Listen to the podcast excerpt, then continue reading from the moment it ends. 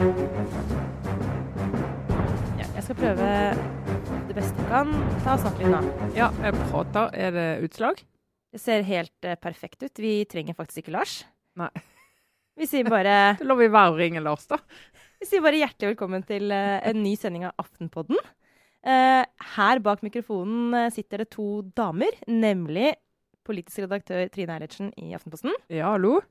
Skal du si navnet mitt, da, eller? Ja, det må jeg nesten gjøre, for vi har flat struktur. Og kulturredaktør Sara Sørheim. Hei, hei. Vær så god. Som våre faste lyttere kanskje vil eh, oppdage nå med en gang, så mangler vi et element i Aftenpodden i dag, nemlig Lars. Han, eh, han Jeg skal ikke si han er forsvunnet til Spania på det der utrolig irriterende språkkurset han har eh, reist på, men han er i hvert fall der, og det passet rett og slett ikke i dag at han var med oss. Altså, det skyldes ikke at han er mann og offer for metoo-kampanjen. Nei. nei. Men, men han eh, kommer tilbake neste uke. I mellomtiden så, så får dere klare dere med Trine og meg. Og vi har jo sykt mye å snakke om, som vi har hatt de siste ukene. Ja. Eh, Vi må vel også advare om at det blir litt stø kurs. Ja. Det er ikke sånn revolusjon på temasiden sammenlignet med de to-tre siste ukene. Det er det ikke. nei, altså det kommer ting fra Selvfølgelig fra metoo. Og det Ja. kommer ting om uh, Meyer-Jensen. Vi må oppsummere SSB etter forrige fredag, der vi sto midt i dramaet. Ja. Og så må vi ta en lite sveip innom norsk politikk, men det blir lite. Ja, altså, Norsk politikk, eh, hvis dere hører oss Dere må snart begynne å levere litt her nå. Fordi ja. vi, vi har snart slutta å bry oss. Men vi har et par ting, så vi kommer tilbake til det. Um, men uh, skal vi starte med dagens Ja, uh, vi sak? starter med grunnen til at denne sendingen ble eh, utsatt. Ja. Eh, Vi satt jo i går vi satt faktisk i studio med øreklokkene på og skulle lage sending, og Sara ja, men vi, vi kan jo ikke snakke om, om denne saken eh, før i kveld, men kan vi nevne den nå? Og så vi, ble det så mye sånn Skulle vi tease saken, eller skulle vi Så fant vi ut nei, vet du, vi venter en dag til alt er ute, og vi kan diskutere det fritt og uten å lure på om vi sier for mye for tidlig og alt det der. Ja. Og det er altså 487 skuespillere. Jeg kan røpe at nå er det allerede bikka over til 550 i løpet av formiddagen. Ja, 550 opprop sier at i vår bransje står det ikke bra til på trakasseringssiden. Mm. De forteller historier. Her må noe skje. Eh, oppropet egentlig handler om. Og Sara, hvordan, hvordan havnet vi der at hele førstesiden til eh, Aftenposten består av navn på skuespillere som støtter dette oppropet? Nei, det har vært noen intense dager, da, eh, med, med jobbing. Først og fremst egentlig, eh, må jeg si, eh, blant norske skuespillere, som jo har gjort en skikkelig dugnadsjobb. En sånn Vi ble solidarisk smittet litt fra Sverige, ble det ikke? Jo, altså det begynte jo med, jeg tror jeg nevnte det i forrige uke som en anbefaling, et slags tips, den saken som var i Svenska Dagbladet, hvor, ja da var det vel 500-600 der også, svenske skuespillere sto sammen om et opprop hvor de fortalte om en sånn helt sånn strukturell ukultur som har vart i flere tiår, hvor de som kvinner opplever eh, hele skalaen av seksuell trakassering. Og dette fikk jo et enormt eh, Altså, det slo ned som en bombe i Sverige. Eh, og så viste det seg jo da at i Norge så gikk heller ikke dette upåakta hen. Så det er en gruppe eh, norske skuespillere som starta en Facebook-gruppe. Den er lukka. Jeg har ikke sett hva de deler der i den gruppa, men en gruppe eh, hvor de begynte å fortelle hverandre historier. Og det som jo, og det tror jeg kanskje du og jeg også kan kjenne oss litt igjen i, Trine, er jo at um, vi har jo veldig mange av oss historier om ting vi har opplevd. Men så er det et eller annet med at når du begynner å prate om det, så er det først da det, liksom, det, først da det blir virkelig, og det går opp Mm. for deg hvor vanlig det er. Ja, Den gruppedynamikken er utrolig viktig for det som skjer nå. Mm. Uh, for hver og en av disse, flere av de som, uh, som nå forteller sin historie, anonymisert både på egne vegne og på de andre involvertes vegne, riktignok. Men de har jo aldri snakket om dette før. Nei. Og det, Sånn tror jeg det er for, for mange. Uh, og dette er litt sånn høsten der mye kommer opp. Og vi har jo snakket om det, vi to òg, at vi plutselig kommer vi på episoder og ting som vi har helt glemt eller fortrengt, eller, eller ting du har hørt om. og Det er litt sånn klima for å ta det opp. Og det Mm. gjør jo at hver enkelt av disse da, som føler, føler seg eh, eh, litt mindre alene, og det blir mindre skambelagt, og det blir eh, Du kan mer snakke om ja, strukturer og generelle problemstillinger. Men en del Mm. av de historiene som disse skuespillerne forteller, er jo altså det er jo langt forbi trakassering. Ja, ja, altså Vi snakker virkelig episoder i dette materialet som vi har nå, som er ja, Det er liksom grove seksuelle overgrep. Det er ikke noen annen måte Mm. å beskrive det på. Og dette er historier som vi vet at mange av dem har, har gått og båret. Eh, og noen i flere år. Andre, eh, altså andre historier er skjedd nå helt nylig, egentlig. Mm. Men eh, eh, for Aftenposten sin del, det som, det som skjedde, var at eh, de tok kontakt med oss eh, og sa nå har vi eh, samla oss. Vi har delt historiene våre, men vi har også samla oss bak et opprop, og vi er klare til å gå ut med det. Så var spørsmålet eh, om de kunne gjøre det hos oss. Og dette er en spesiell form for journalistikk. Det er jo ikke sånt vi gjør eh, til daglig eh, i Mm. det hele tatt. Mm. Men eh, vi bestemte oss veldig raskt for at dette ville vi. På en måte, um, vi ville bare rett og slett si at dette vi ha i våre spalter. Vi vil få dette ut. Uh, og det har vært en utrolig sånn, uh, sterk enkel opplevelse å jobbe med. Fordi um, jeg skjønner at dette er ikke noe du gjør sånn uten å ha tenkt deg om, og det sitter langt inne for mange. For Aftenposten sin del så mener jeg at dette her er en sånn typisk uh, debatt hvor det er greit at vi går inn og indirekte eller direkte, egentlig nesten helt direkte, viser at eh, her eh, mener vi at dette er viktig, og her tar vi faktisk stilling gjennom å gjøre det vi gjør. Eh, stilling i betydningen av at vi gjennom å bruke da, hva er det i papiravisa Trine, ti sider på Mm. dette, viser at vi mener at dette er et problem, og at det må tas på alvor. Og det er vår måte å vise det på. da. Mm. Mm. Så det har vært eh, veldig sånn Ja, det har vel ikke vært noen sånn særlige diskusjoner internt om vi skulle gjøre det eller ikke. Egentlig bare på hvordan vi skulle gjøre det rent praktisk. Ja, det har de jo. Og det er jo for disse som har signert oppropet, så har, de har jo hatt en del, eh, altså en del ting som har vært viktig for de, som vi har jo diskutert med de, men vi har jo egentlig vært enige i, i vurderingene at det har f.eks. vært viktig at illustrasjonene består av eh, bilder av mange og Mm. forskjellige skuespillere. At ikke det knyttes til en Pia Tjelta eller en Ane Dahl Torp, altså de mest kjente. Men at litt av poenget her er å vise at de er mange, og at historiene ikke skal knyttes til, til enkeltpersoner. da. Ja, og det, har vært, eh, det var jo et sånt eh, ønske fra dem som var veldig lett å, å komme i møte. fordi, eh, som vi var litt inne på i stad, Trine, det, det kjenner jeg faktisk på kroppen sjøl. Det må jeg faktisk innrømme òg. At det, jeg har forståelse for den, der, den følelsen av å være hun ene som sier fra. Mm. Jeg tror vi alle har liksom hatt erfaring av å være den ene som sier fra. Det kan være helt forskjellige typer sammenhenger. Altså. Det kan være den som på en fest sier sånn Burde vi ikke skru ned musikken litt, for jeg tror kanskje naboen syns dette er bråkete. Ja. Men, men uansett, å være den der som sier fra, det, det er ikke noe kul rolle å ha. Eh, og når du kan legge en dose med skam og eh, kanskje mistenkeliggjøring og en del andre ting som følger med akkurat dette feltet her, da, Mm. på toppen av det, så syns jeg nesten ikke du kan forvente av enkeltpersoner å skulle orke å ta Nei. dette her. Det er det ene. Og det andre er jo det som flere av de sier og beskriver i de, i de episodene. Og det gjelder jo langt utenfor uh, denne bransjen, på scene, scenekunst og film. Eh, Det går inn i vår bransje. Det går Ja. inn i altså alle bransjer som er preget av at du har uh, Altså du har mange som er tilknyttet bransjen som ikke har uh, fast ansettelse. Eh, som er litt sånn prisgitt at de får, eh, blir eh, likt eller vurdert godt av en sjef på et eller annet nivå. Det kan være en mellomleder i en redaksjon, det kan være en regissør, det kan være en teatersjef. Det kan være Altså, på, det så, på så mange nivåer den type makt kan maktbånd finnes. Og det er i, i systemer der du har veldig stor overvekt av menn i de mektige posisjonene. Mm. Eh, veldig få kvinner. Det er jo derfor vi er opptatt av kjønnsbalanse, blant annet. Eh, En av mange grunner til at vi er opptatt av det i, ledelse. Eh, og det er miljøer der det gjerne er en sånn altså Kall det litt sånn prosjektbaserte miljøer. da. Der du jobber veldig intenst for å nå et mål mm. i en periode. Det kan være en stor sak, det kan være en film, det kan være et stykke, det kan være altså, en plate for den saks skyld. Og når du er i mål, så er liksom alle utrolig høye, og du feirer, og du liksom fester, og det er mye alkohol. Og i miljøer som preges av det, så er det mer sånn veldig mye emosjoner. Grenser som, eh, som sklir. Mm. Mange gråsoner. Og til slutt, så etter hvert så ut, Eller etter hvert, det har jo vært sånn lenge. Så utvikler det seg kulturer som blir litt sånn Det er ingen som liksom setter ord på det, men det er veldig vanskelig å være den som skal begynne å endre det. da. Det er jo måte Innenfor ledelse sånn, så er det liksom kjent at liksom det å endre kultur er noe av det vanskeligste man gjør som leder. Ja. Uh, og det er det jo faktisk. Uh, men det er tross alt innenfor en organisasjon. Det der å skulle liksom som enkeltperson begynne å endre en sånn ukultur som det vi ser at Som, som vi nå på en måte ser i all sin gru, uh, det er jo en, egentlig helt umulig. sant? Den, den følelsen av at dette kan jeg ikke gjøre noe med, den tror jeg veldig mange har kjent på. Men det jeg lurer på nå, er liksom om det eller jeg håper, da, jeg håper ikke det er naivt liksom, å tro det, men jeg kjenner jo nå at liksom den kraften i dette føles sånn ugjenkallelig. Mm. Eh, at dette faktisk kan føre til en forskjell. At, at jeg merker på mitt eget hode, bare. Altså, som vi snakka litt om i stad. Det der med eh, ting som jeg tidligere ikke tenkte over, som jeg plutselig nå ser i et nytt lys. Mm.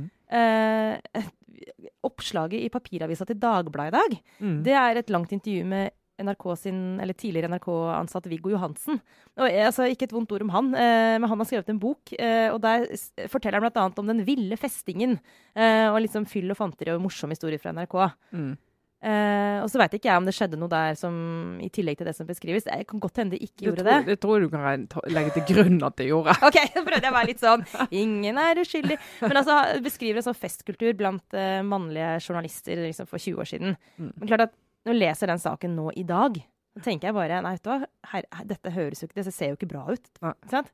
Men jeg ville ikke tenkt sånn for to måneder siden, kanskje. Nei, og det satt snakket om det i går med noen òg. Den derre Altså, og i vår bransje, når du snakker om liksom de gamle og legendariske redaktørene, og den gangen redaktører var ordentlige redaktører Ja, altså, det, de var ordentlige redaktører, og de var dypt inn i avisen og redaksjonen og alt det der.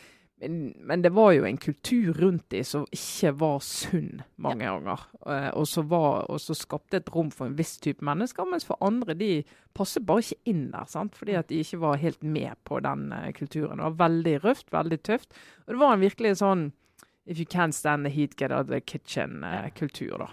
Eh, og noen steder i TV 2 åpenbart så har jo den kulturen har de jo tatt med seg den. altså Et av Norges yngste mediehus har de jo klart det. Og det er jo blant annet fordi da det mediehuset ble startet, så ble det bemannet med folk som kom fra gamle mediehus, bl.a. mitt eh, gamle mediehus Bergenstidene.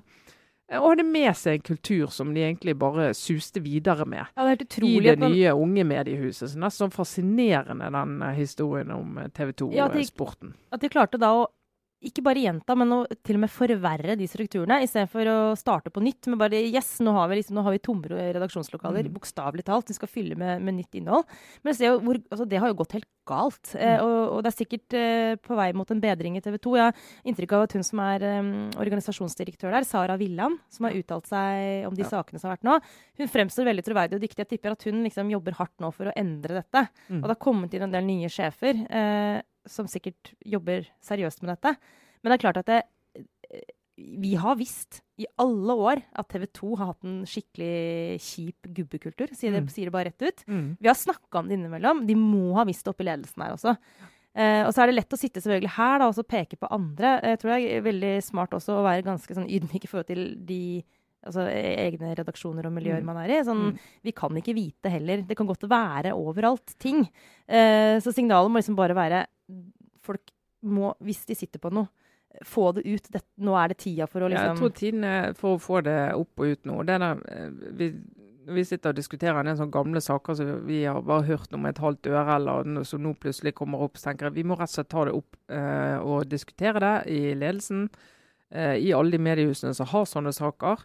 Eh, og vi, vi må bare ikke bli tatt på sengen når de historiene kommer. og Vi er nødt til å ha et reflektert syn på hva vi kan gjøre med det nå. Eh, og kunne forklare hvorfor det ikke blir gjort noe da. For det er klart det at eh, når du ser Torry Pedersen i VG skal prøve å forklare at de har ansatt en som måtte slutte i TV 2 pga. Han oppførte seg utrolig dårlig i TV 2, og så han, blir han ansatt i VG omtrent timen etterpå uten videre. Så vi vet at mange i VG reagerte på. Eh, og så skal Torry Pedersen, tidligere sjefredaktør i VG, forklare dette. og sier han ja, men hos oss har han oppført seg helt eksemplarisk, og, og folk må jo få en sjanse om å få lov å forbedre seg og alt det. Og det, og det blir liksom Kom til VG og bli et godt menneske. Det er klart det mange tenker, men kunne jo også vurdert om det var en annen i Norge som kunne besatt den stillingen som ikke hadde det trekket.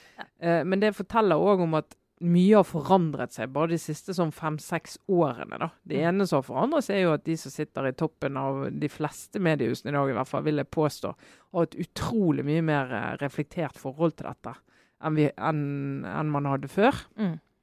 Uh, og er mye mer eh, altså de, de mennene som sitter der, de er jo unge, relativt unge, og de, liksom, de er vant til å ha kvinnelige kollegaer som er likestilte. og de er liksom ikke en del av den der bajas-kulturen der liksom Ja, du tåler det, og kom igjen, og det er gøy det der. Det var jo bare en spøk, og ja, hø-hø-kulturen. sant? Mm. Altså, De tar det mye mer alvorlig. Det er jo fordi vi er blitt mye mye flinkere vil jeg påstå, til å jobbe med organisasjon, medarbeider, organisasjonsutvikling. Og det er liksom innse at hvis ikke folk trives på jobb, og ikke bare de tøffeste trives på jobb, men at alle klarer å finne sin plass på jobb, og at det er rom for folk, og at de trives og ikke er redd på jobb, mm. Så går det ikke bra med oss. Nei. Det går ikke bra med oss, Men før kunne du liksom overse det i mye større grad. Altså, særlig i vår bransje hadde man jo mye penger og mange ansatte og kunne liksom tåle at noen ikke fungerte. Men det er klart alle må fungere, og så må vi klare å skape et miljø som er attraktivt for talenter og flinke folk. Ja. Og gubbekultur, det, det, bør ikke være en nyhet for noen, men det er ikke attraktivt. Verken for kvinner eller menn. So last year. Men, yes. So last year. So last month. Men uh, en annen ting også, vi har vært litt inne på det, men det er jo den der når man først får seg nye briller, så ser ting i et nytt lys Uh, så er det så veldig sånn åpenbart forskjell på de lederne som du Du nevnte en del yngre medieledere som, som, på en måte har denne problemstillingen helt sånn naturlig med seg inn i jobben, og som er mm. genuint opptatt av det. Eh, og så har du de andre lederne som bare ikke virker som de på, på ekte egentlig bryr seg om dette, Nei. men som har eh, noen rådgivere eller noen kommunikasjonsdirektører eller HR-sjefer som gir dem noen talepunkter. Ja. Sånn, du må svare sånn når DN ringer. Ja. Eh, men så bare merker man måten de sier det på. bare, Det høres ikke ekte ut. Nei, det er ikke en del av det, sant? Og det eh, holder ikke lenger. Nei, det, det, er gammeldags ledelse. Det er blitt veldig synlig i høst. Veldig ja. synlig. Ja. Men du, før vi går videre, Trine. Du var inne på, du ramsa opp i stad noen sånne trekk ved bransjer hvor det er typisk at uh, denne ukulturen har fått lov til å vokse. Ja. Og, og, de trekkene gjelder jo ikke bare det vi har snakka mest om nå, og som det har vært mest oppmerksomhet rundt, som er liksom mediebransjen. Vi har jo ikke overraskende begynt med oss sjøl her i pressen. Det har vi jo en tendens til å gjøre. Ja, og, og, denne gangen tror jeg faktisk det har vært sunt på den måten at hvis vi hadde skrevet side opp og side ned om alle andre, med sant. det ryktet vi har og de historiene vi vet om oss sjøl, så hadde vi vært lett å sparke i leggen og si 'hallo, snu, snu lampen innover før dere begynner eh, på alle andre'. Ja. Eh, men, men, tiden er jo, er jo, der for å gjøre det. Ja, for hva er det vi Altså, nå har skuespillerne kommet. I Sverige i dag, nå for bare en time eller to siden, eh, torsdag, nei, fredag eh, formiddag, så kom det et nytt opprop fra musikere. Ja. Har ikke fått lest saken, jeg bare ser at det er over 1000. Jeg lurer på om det er rundt 1300 musikere som uh, stiller seg bak samme type opprop. Juristene i Sverige, kvinnelige jurister kom vel 4500, var det vel, som ja. signerte et opprop denne uken. Og det er jo Altså, det ville overraske meg veldig om dette var et, et ikke-problem i eh, norsk juss,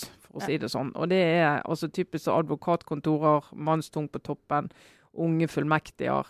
Altså hele den uh, kulturen der. Det ligger i hvert fall til rette for at det finnes episoder hvis vi skal tro på Aber Bergen som dokumentar, eh, noe det jo vel strengt det ikke er men den Så er det faktisk, bare sånt. Ja. ja. Men det er faktisk en eh, det, Nå smetter jeg en kjempekjapp, bitte liten anbefaling. Den er overraskende bra, den Aber Bergen. Bare, ja, den, den har jeg faktisk ikke sett. Enda, enda så eh, fint navn nå. Ja, men om det skulle være altså Det er typisk, da, det er jo litt klisjé, men der er det liksom mannlige partneren og den kvinnelige fullmektigen. sant? Og det maktforholdet og etter hvert da seksuelle forholdet, forholdet der Eh, sikkert ikke tatt ut av løse lufta. Nei, og er det, der er det sånn karriereveien handler om selvfølgelig prestasjoner, men også relasjoner. Eh, og da er det faktisk veldig viktig om hva sammensetning du har blant de som avgjør hvem som kommer videre, f.eks. Sykehus. Ja. Hjelp meg. Ja. Alle som kjenner folk som jobber på sykehus, vet at der er det, er det mye greier. Typisk eh, mannstunge prestisjeyrker.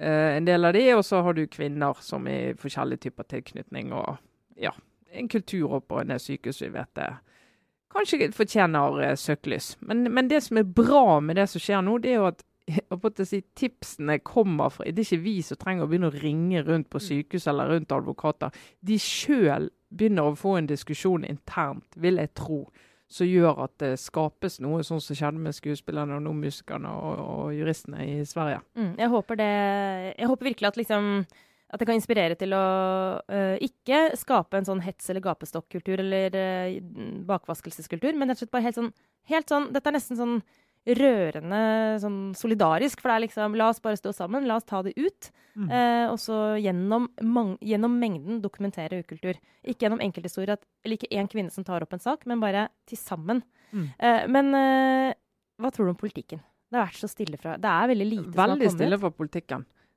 Det, det ene, det, hvis du kan se lys på det, så kan du si at de har jo vært eh, flinke med å jobbe med kvinnerepresentasjon og alt dette her eh, som vi mener er viktig lenge, ja. og det kan ha gjort noe. Men jeg er jo helt sikker på at det er i relasjon mellom f.eks. ungdomspolitikere og mer etablerte politikere at det skjer ting der som ikke burde skje. Det er jeg Mm. ganske sikker på. Men det overrasker meg at politikken ennå ikke har Så Tina Bru fra Høyre og Anniken Huitfeldt fra Arbeiderpartiet gikk ut og oppfordret eh, kvinner i politikken, Ja. eh, også menn, til å si fra om ting de vet om, har sett og hørt om, Mm. for å få opp den der eh, Nå er vi inne i denne bølgen. Få opp det som er av ukultur, sånn at det går an å få diskutert det der òg. Mm. Jeg håper, eh, jeg kan jo bare slutte meg til at eh, jeg håper at det kommer noe. Altså, og så eh, er det jo viktig å minne om at det vi sånn journalistisk altså, For det første er dette viktig som en sånn del av samfunnsutviklingen. Eh, det er også sånn journalistisk viktig at, at vi holder tunga litt rett i munnen på hva er det vi er ute etter. Og, og det som måte kanskje er det mest avgjørende, er jo eh, saker hvor du ser tydelig kombinasjon av seksuell trakassering og maktmisbruk. Mm. Eh, og hvor eh, ofte menn, ikke bare menn, altså, men som veldig ofte menn har sittet i, eller sitter i posisjoner hvor de har, har makt, f.eks. gjennom å kunne ansette Mm. eller utnevne, eller eh, sånn som med skuespillerne, eh, at det er regissører og andre som på en måte kan være din karriere Mm. eh, håper å si jordmor, går det an å si det? Altså, de, Ja. de bestemmer over folks karrierer. Ja, I den situasjonen så er du utrolig sårbar. og Vi skal snart gå videre, men jeg må bare si før vi avslutter her at noe av det råeste i de um, historiene som vi har publisert nå, uh, er jo også å lese at veldig mange av disse overgrepene og denne trakasseringen har jo foregått på jobb, Mm. helt konkret under opptak eller på scenen, Mm. hvor du er i rolle, og du er der, du er på jobben. Du kan ikke gå. Er, du er nesten gissel. Uh, og det å på en måte være i en arbeidssituasjon, og da kan du overføre det til f.eks. politikken. Altså hva slags type makt er det som utøves på møter eller i debatter eller på Stortinget? Altså sånn hvor du egentlig når du er på jobb, da. Mm. Eh, og hva er konsekvensen av å gjøre noe der? Fordi konsekvensen ofte for skuespillerne ville jo vært eh, å, å få ødelagt karrieren sin. Mm. Så jeg bare, kanskje vi skal rett og slett bare oppfordre våre lyttere i politikken. Liksom. Vi, vi er ikke på heksejakt, men hvis det er strukturelle ting, og hvis det er Mm. strukturell maktmisbruk, så man burde liksom dele det. Eh, Ja. Ikke offentlighet nødvendigvis, men enten med noen man stoler på, eller en journalist man stoler på. Ja. Absolutt. Dagens oppfordring. Mm. Eh, det er ikke bare metoo som har engasjert oss, da, Trine. Du har jo hatt ditt eget lille sirkus eh, å holde på med i noen Ja, uker uken- nå. Ukene blir veldig korte, syns jeg, på tiden. Veldig korte, og går veldig raskt unna. Så nå er det snart jul. Men uh, denne uken her, uh, i begynnelsen av denne uken handlet det jo om SSB, Statistisk sentralbyrå. Uh, og så er det så mye annet som kommer, så plutselig så forsvinner det liksom litt. Men en av grunnene til at det forsvant, var jo at direktøren Kristine Meyer gikk jo av søndag kveld. Ja, nei, nei, ved midnatt. Altså, hvor pompøs går det an å bli? Ved midnatt. altså, nå, nå er jeg klar over at jeg henger meg opp i detaljer her, men det var sånn Kristine Meyer går av ved midnatt. Ja. Det hørtes ut som en sånn Ja, at det det- er paveskifte eller noe sånt. Ja, ja, ja. ja nei, jeg har, jeg har ikke helt hørt den før. For det var litt sånn som om kongen abdiserer. Ja, det var litt sånn stemning. Jeg er enig i det. Eh, det gjorde hun. Eh, og som vi beskrev her forrige fredag, så var det jo Det var jo ikke en eh, stille og rolig avgang ut av døren med en liten pressemelding og en, en knapp kommentar. Det var det ikke. Over hele hodet ikke, som du vel pleier å si. Trine. Ja, det pleier jeg å si. Og hun uh, gikk jo rett i strupen på Siv Jensen. Og egentlig også, Nå er det jo blitt en litt sånn pingpong mellom uh, departementet og Kristine Kristine Meyer, der eh, det er eh, denne kampen om virkelighetsbeskrivelsen. Det er sånn som av og til du skriver i sånne kommentarer, og så tenker du uff, jeg må ikke skrive det, for det er sånn klisjé. Nå er det kamp om virkelighetsbeskrivelsen. Kan du skrive, og så tenker du nei, jeg må finne noe annet. Men her er det faktisk helt reelt. Ja. For her er det en kamp om å, å eie historien om hva som skjedde frem til Kristine Meyer gikk av. Mm. Eh, og der departementet står hardnakket på at avgangen skjedde som følge av at hun rett og slett ikke hørte etter. De hadde advart så mange ganger om at hun ikke skulle omorganisere, særlig forskningsavdelingen i SSB. Eh, og hun gjorde det likevel, og idet hun gjorde det, så måtte de gripe inn. Mm. Mens Kristine Meyers versjon er at dette hadde departementet vært fullt informert om. Jeg er blitt bedt om å omorganisere og effektivisere. De har fått vite om at omorganiseringen skulle skje, hvordan den skulle skje. De har fått vite om innplasseringskriteriene. De har til og med så en sak i VG i dag fått vite om at eh, Erling Holmøy eh, kom til å bli flyttet som følge av dette. Ingen reaksjon. Eh, og de har sittet i møter og de har vært støttende og gode medarbeidersamtaler og resultater. Uh, så hennes påstand er at departementet kommer, det blir for mye bråk, de får angst, og det er da de trekker teppet vekk under direktørene. Altså, dette syns jeg høres eh, Eller for å si det først, det er litt den følelsen jeg har som Helge Øgrim, gammel presseveteran, skrev på Facebook, at jeg aldri lest så mye om en sak og sittet igjen med så lite kunnskap som Ja. dette. Fordi kildene nuller hverandre ut hele tiden. Ja. Det kommer en påstand fra et man må tenke er troverdig hold, altså type sånn Kristine Meyer selv eller en annen nær henne, kommer med en påstand som høres graverende ut. Men så kommer da Jensen eller departementet og motbeviser det med like mye troverdighet. Så det er litt vanskelig sånn for den uh, jevne leser, som jeg anser meg selv for å være litt her, liksom helt å skjønne hvem man skal stole på. Men jeg må jo bare si så jeg vil gjerne høre liksom, din følelse på dette, Trine. Men for meg, da, hvis jeg likevel skal liksom, vurdere hva jeg tenker sjøl om saken, syns jeg det uansett virker som om en altså som Meyer har blitt utsatt for en skikkelig dårlig ledelse fra departementets side. Mm. Eller dårlig i form av uprofesjonell. Da. Altså, er det sånn ledere i staten skal behandles av eieren sin? Det bare, mm. det bare virker som det har vært utrolig ja, for å si det pent, liksom ureint trav. Ja, altså jeg tror mange som, som er, har vært kritiske til omorganiseringen og endringen i SSB, eh, og er jo enig i at departementet sin måte å holde denne kommunikasjonen på har vært uryddig.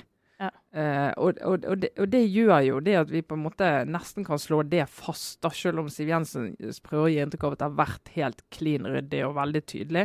Men opplevelsen i ikke bare også Kristine Meyer personlig, men i hele ledergruppen i SSB og folk rundt de, eh, liksom tenker at jøss, hva skjedde? Ja. Da er det jo et eller annet som er sånn fundamentalt galt et sted. Derfor er Det fornuftig at saken er i Stortinget. Det er fornuftig at kontrollkomiteen har sendt uh, spørsmål om det. Og Grunnen til at vi er nødt til å komme virkelig helt til bunns i dette, det er jo, uh, og det tok jo Kristine Meyer opp forrige fredag, det er jo er det tvil nå om uavhengigheten til SSB.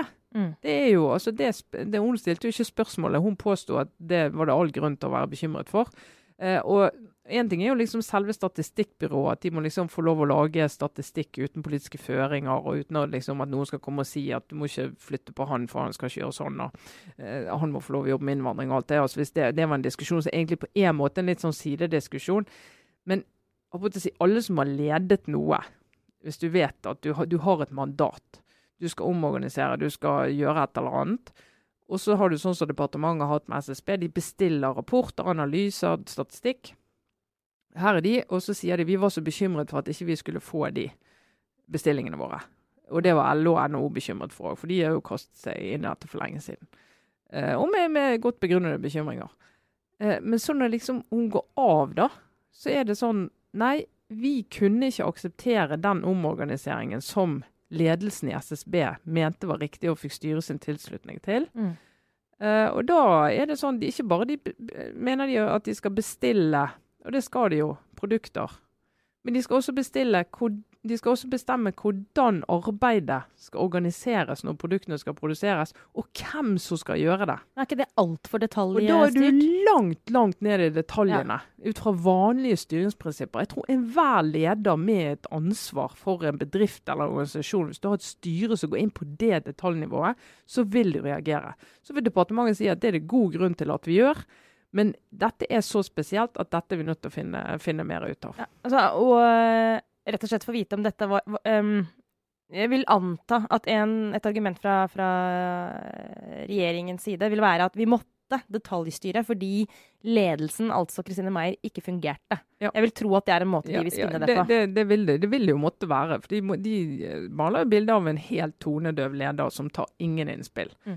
Og, og hvis, hvis, det er liksom et tilfelle, da, og at det først når hun da eh, Når det først blir skrevet om at hun flytter Erling Holme ut av forskningsavdelingen til statistikkavdelingen, og ikke når hun forteller om kriteriene, og ikke hun forteller hvordan hun har tenkt å gjøre det, og ikke mm. engang når hun varsler og sier dette kan det bli bråk av, at det ikke skjer noe da, mm. Altså Akkurat det må vi forstå ja. for å liksom tro at uh, byrået er så uavhengig. Så det må være. Men altså Det blir jo en beinhard runde, da. Hvis, Nå er det noen forbehold her, vi veit jo ikke det. Men hvis da, når, når det skal opp i Stortinget, eh, departementet fra departementets hold skal argumenteres med at eh, dette skyldes dårlige lederegenskaper, mm. blir det eh, kan ikke skjønne annet enn at det må bli en veldig tøff runde for Meyer personlig. Så hvordan skal man håndtere en sånn sak? Det er det man ellers stort sett i offentligheten kaller en personalsak. Kan ikke si noe. Ja, og, Men her, eh, hun har jo sjøl eh, tatt det steget ut i offentligheten som gjør at den personalsaken og de, eh, hva skal jeg si, den beskyttelsen som ligger i det, er jo ikke der lenger.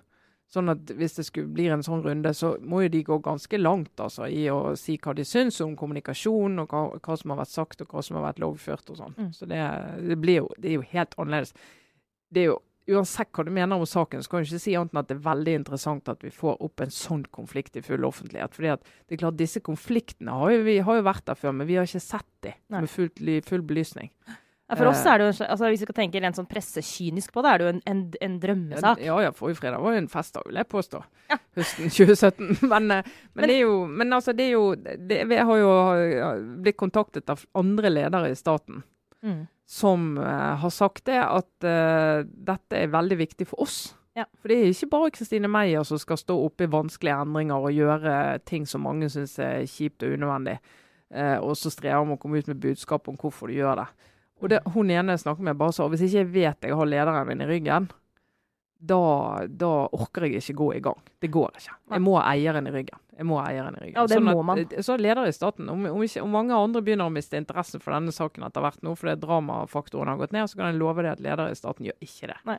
Og det er faktisk ganske krise. Apropos, vi snakka i stad om eh, gubbekultur og andre ting som ikke gjør en arbeidsplass attraktiv for flinke folk. Mm. Eh, dette, er jo helt, altså, sam, dette gjelder jo ikke minst også Hvis, liksom, hvis staten som arbeidsgiver eh, skal oppføre seg bare sykt uprofesjonelt, så, så går folk til næringslivet, liksom. Altså, det er et eller Ja, for der er vi så profesjonelle. Er så profesjonelle? Nei, men da altså, tjener du, men men du i mer penger. Ja, det, du gjør det, og, altså, og du må jo vite det at du har det rommet du har for å lede, Ja. som du må ha. Altså det, ja. Men du, før vi går videre. Det handla jo aldri om innvandring, dette her, egentlig, sant? Denne saken. Nei, ikke dypest sett, nei.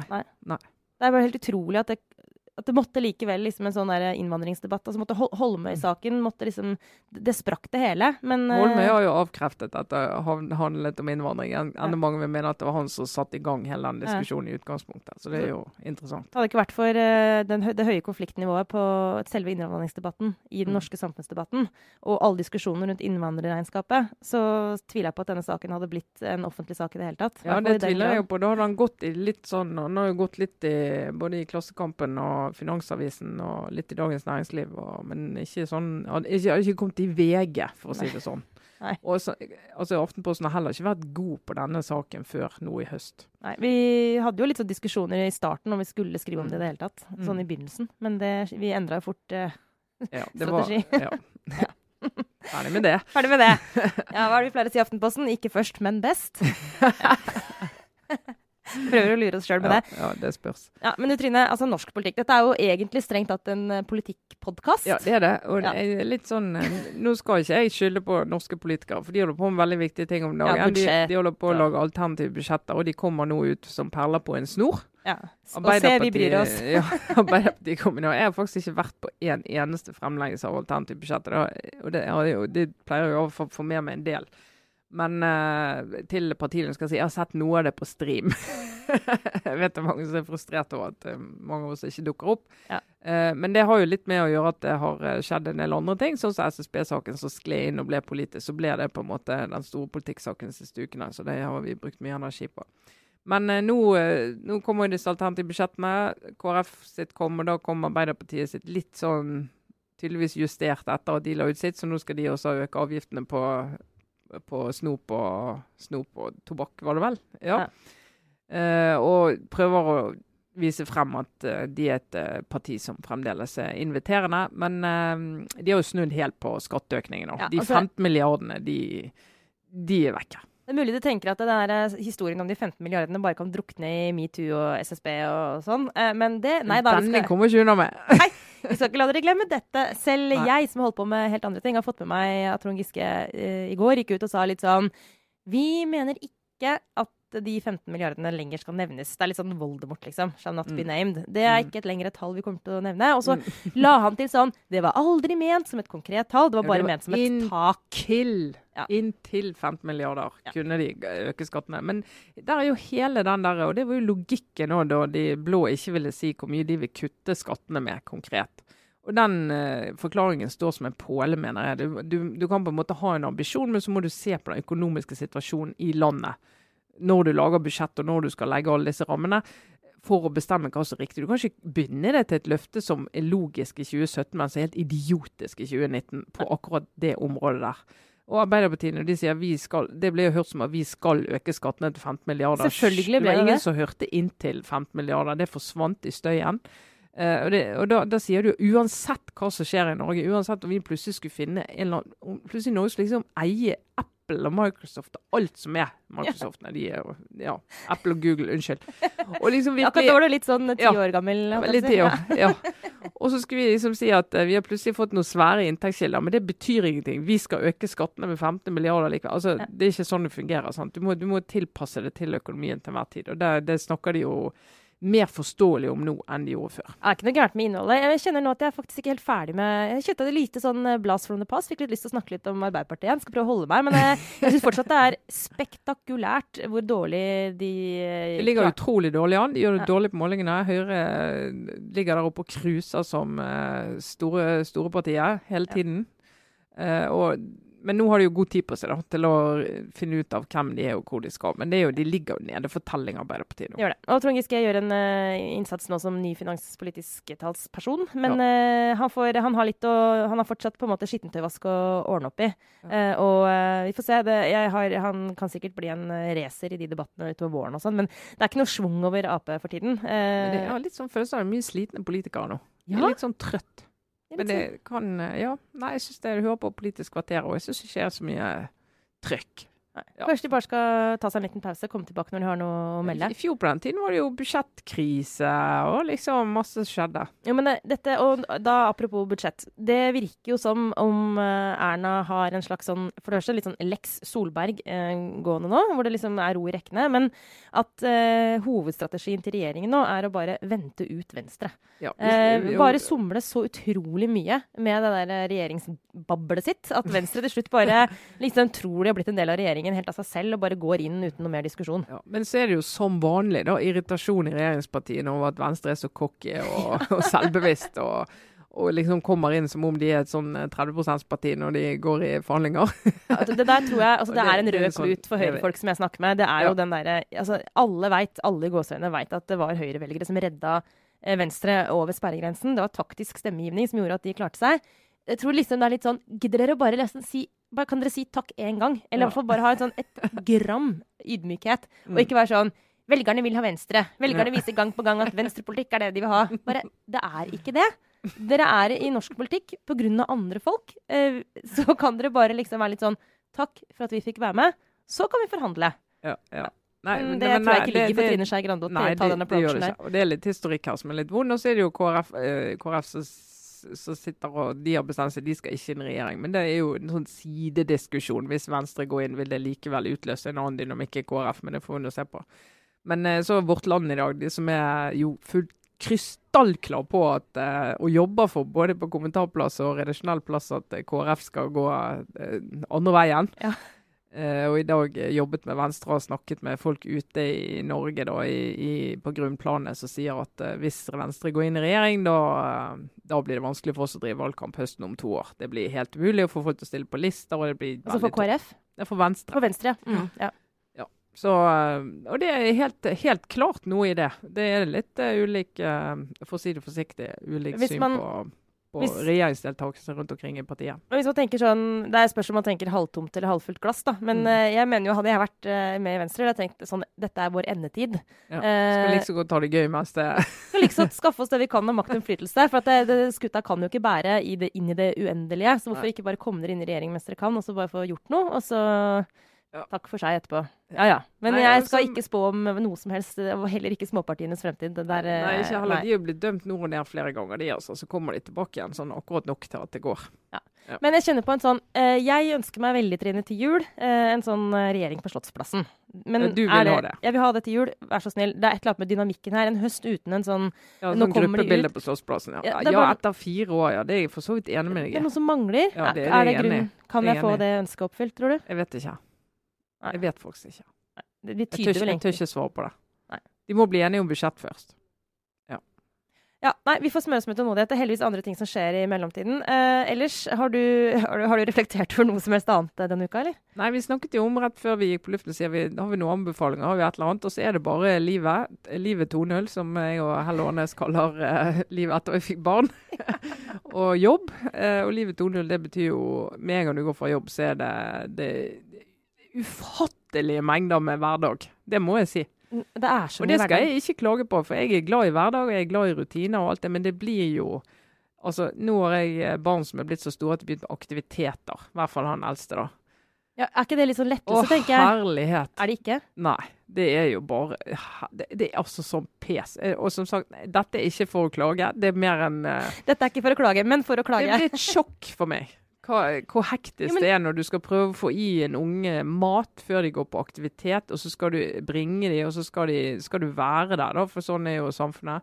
Og så skal de hjem, og så skal du få de i seng i rimelig tid, og så skal de gjøre lekser. Ja, nei, Jeg, jeg bare sier det. Tidsklemme 2.0. Dette er jo, eh, jeg forbannet meg selv på at jeg, hvis jeg fikk barn en gang, aldri skulle liksom i offentligheten uttale meg om oppdragelse, barneliv, tidsklemme eller sånne ting. For jeg var så lei av sånne småbarnsforeldre som drev og snakket om sånne, i mine øyne, uhyre kjedelige ting. Nå skjønner jeg hvorfor de snakket om det. For Ja. det, det er ingenting annet i livet. Nei, hva annet skal du snakke om, Jeg har da? ingenting å snakke om. En bok du har lest, liksom? ikke sant? jeg, driver jo, jeg har jo skrytt to ganger i poden av at jeg har lest liksom, den boka om Hillary Clinton. Jeg er ikke engang ferdig med den. og Ja, du kan kan ikke snakke ikke si mer om det nå. I denne uka jeg prøvde helt ærlig å tenke gjennom sånn, har jeg gjort noe? Jeg har, jeg har eh, vært kjempeopptatt av jobben min. Da. Og så er jeg så heldig at eh, jeg syns jo det er veldig gøy med alt det vi gjør på jobben. Så det holder for så vidt for sånn hjerneføde. Men det er det. Og november, det er så, det er så, det er så uforbanna mørkt. Ja. Når jeg kommer hjem, eh, så, ja, så er det egentlig bare stø kurs mot leggetid. Og så er det om å gjøre å holde seg våken akkurat litt etter at barna har sovna, sånn at man klarer å late som man har et liv. Og så er det bare å legge seg, og så er det bare på'n igjen. Ja Så, ja. så det var ukens eh, obligatoriske refleksjon fra hønsene her. Ja. Nå vet dere hvordan det blir hvis Lars ikke er her og kan eh, fortelle oss noe om livet der ute. Han kan komme sånn Ja, på den og den baren neste uke kan du høre han og han spille, og jeg har sett vi har vært på kunstutstilling og bare sånne irriterende ting. Men det får vi heller komme tilbake til. Lars, du får komme tilbake eh, hvis du får lov til å komme tilbake. Og, eh, og eh, glede oss med spennende historier fra, fra livet i storbyen. Ja. Eh, er vi gjennom, eller? Ja, vi er det. Ja, gikk greit, dette her. Ja, det er fint, det. Ja. ja, men du, Da satser vi på å være tilbake med fulle mugger, holdt jeg på å si. Neste uke. Følg med på Facebook-siden vår. Vi prøver å legge ut ting vi snakker om. Har vi, har vi, lagt, har vi lagt ut metoo siste? Nei, det har vi ikke. Nei, det, det skal, vi gjøre. det skal vi gjøre. Og så sier vi også fra, da, kjære lyttere, når vi blir forsinka. Vi Ja, lover er vi skal si fra på Facebook. Så det er hovedregel det er torsdag, men når det skjer ting, så utsetter vi. Ja, sånn er det. OK. Takk for nå. Trine Eilertsen, politisk redaktør, og meg, Sara Sørheim. Ha en riktig god helg. God helg.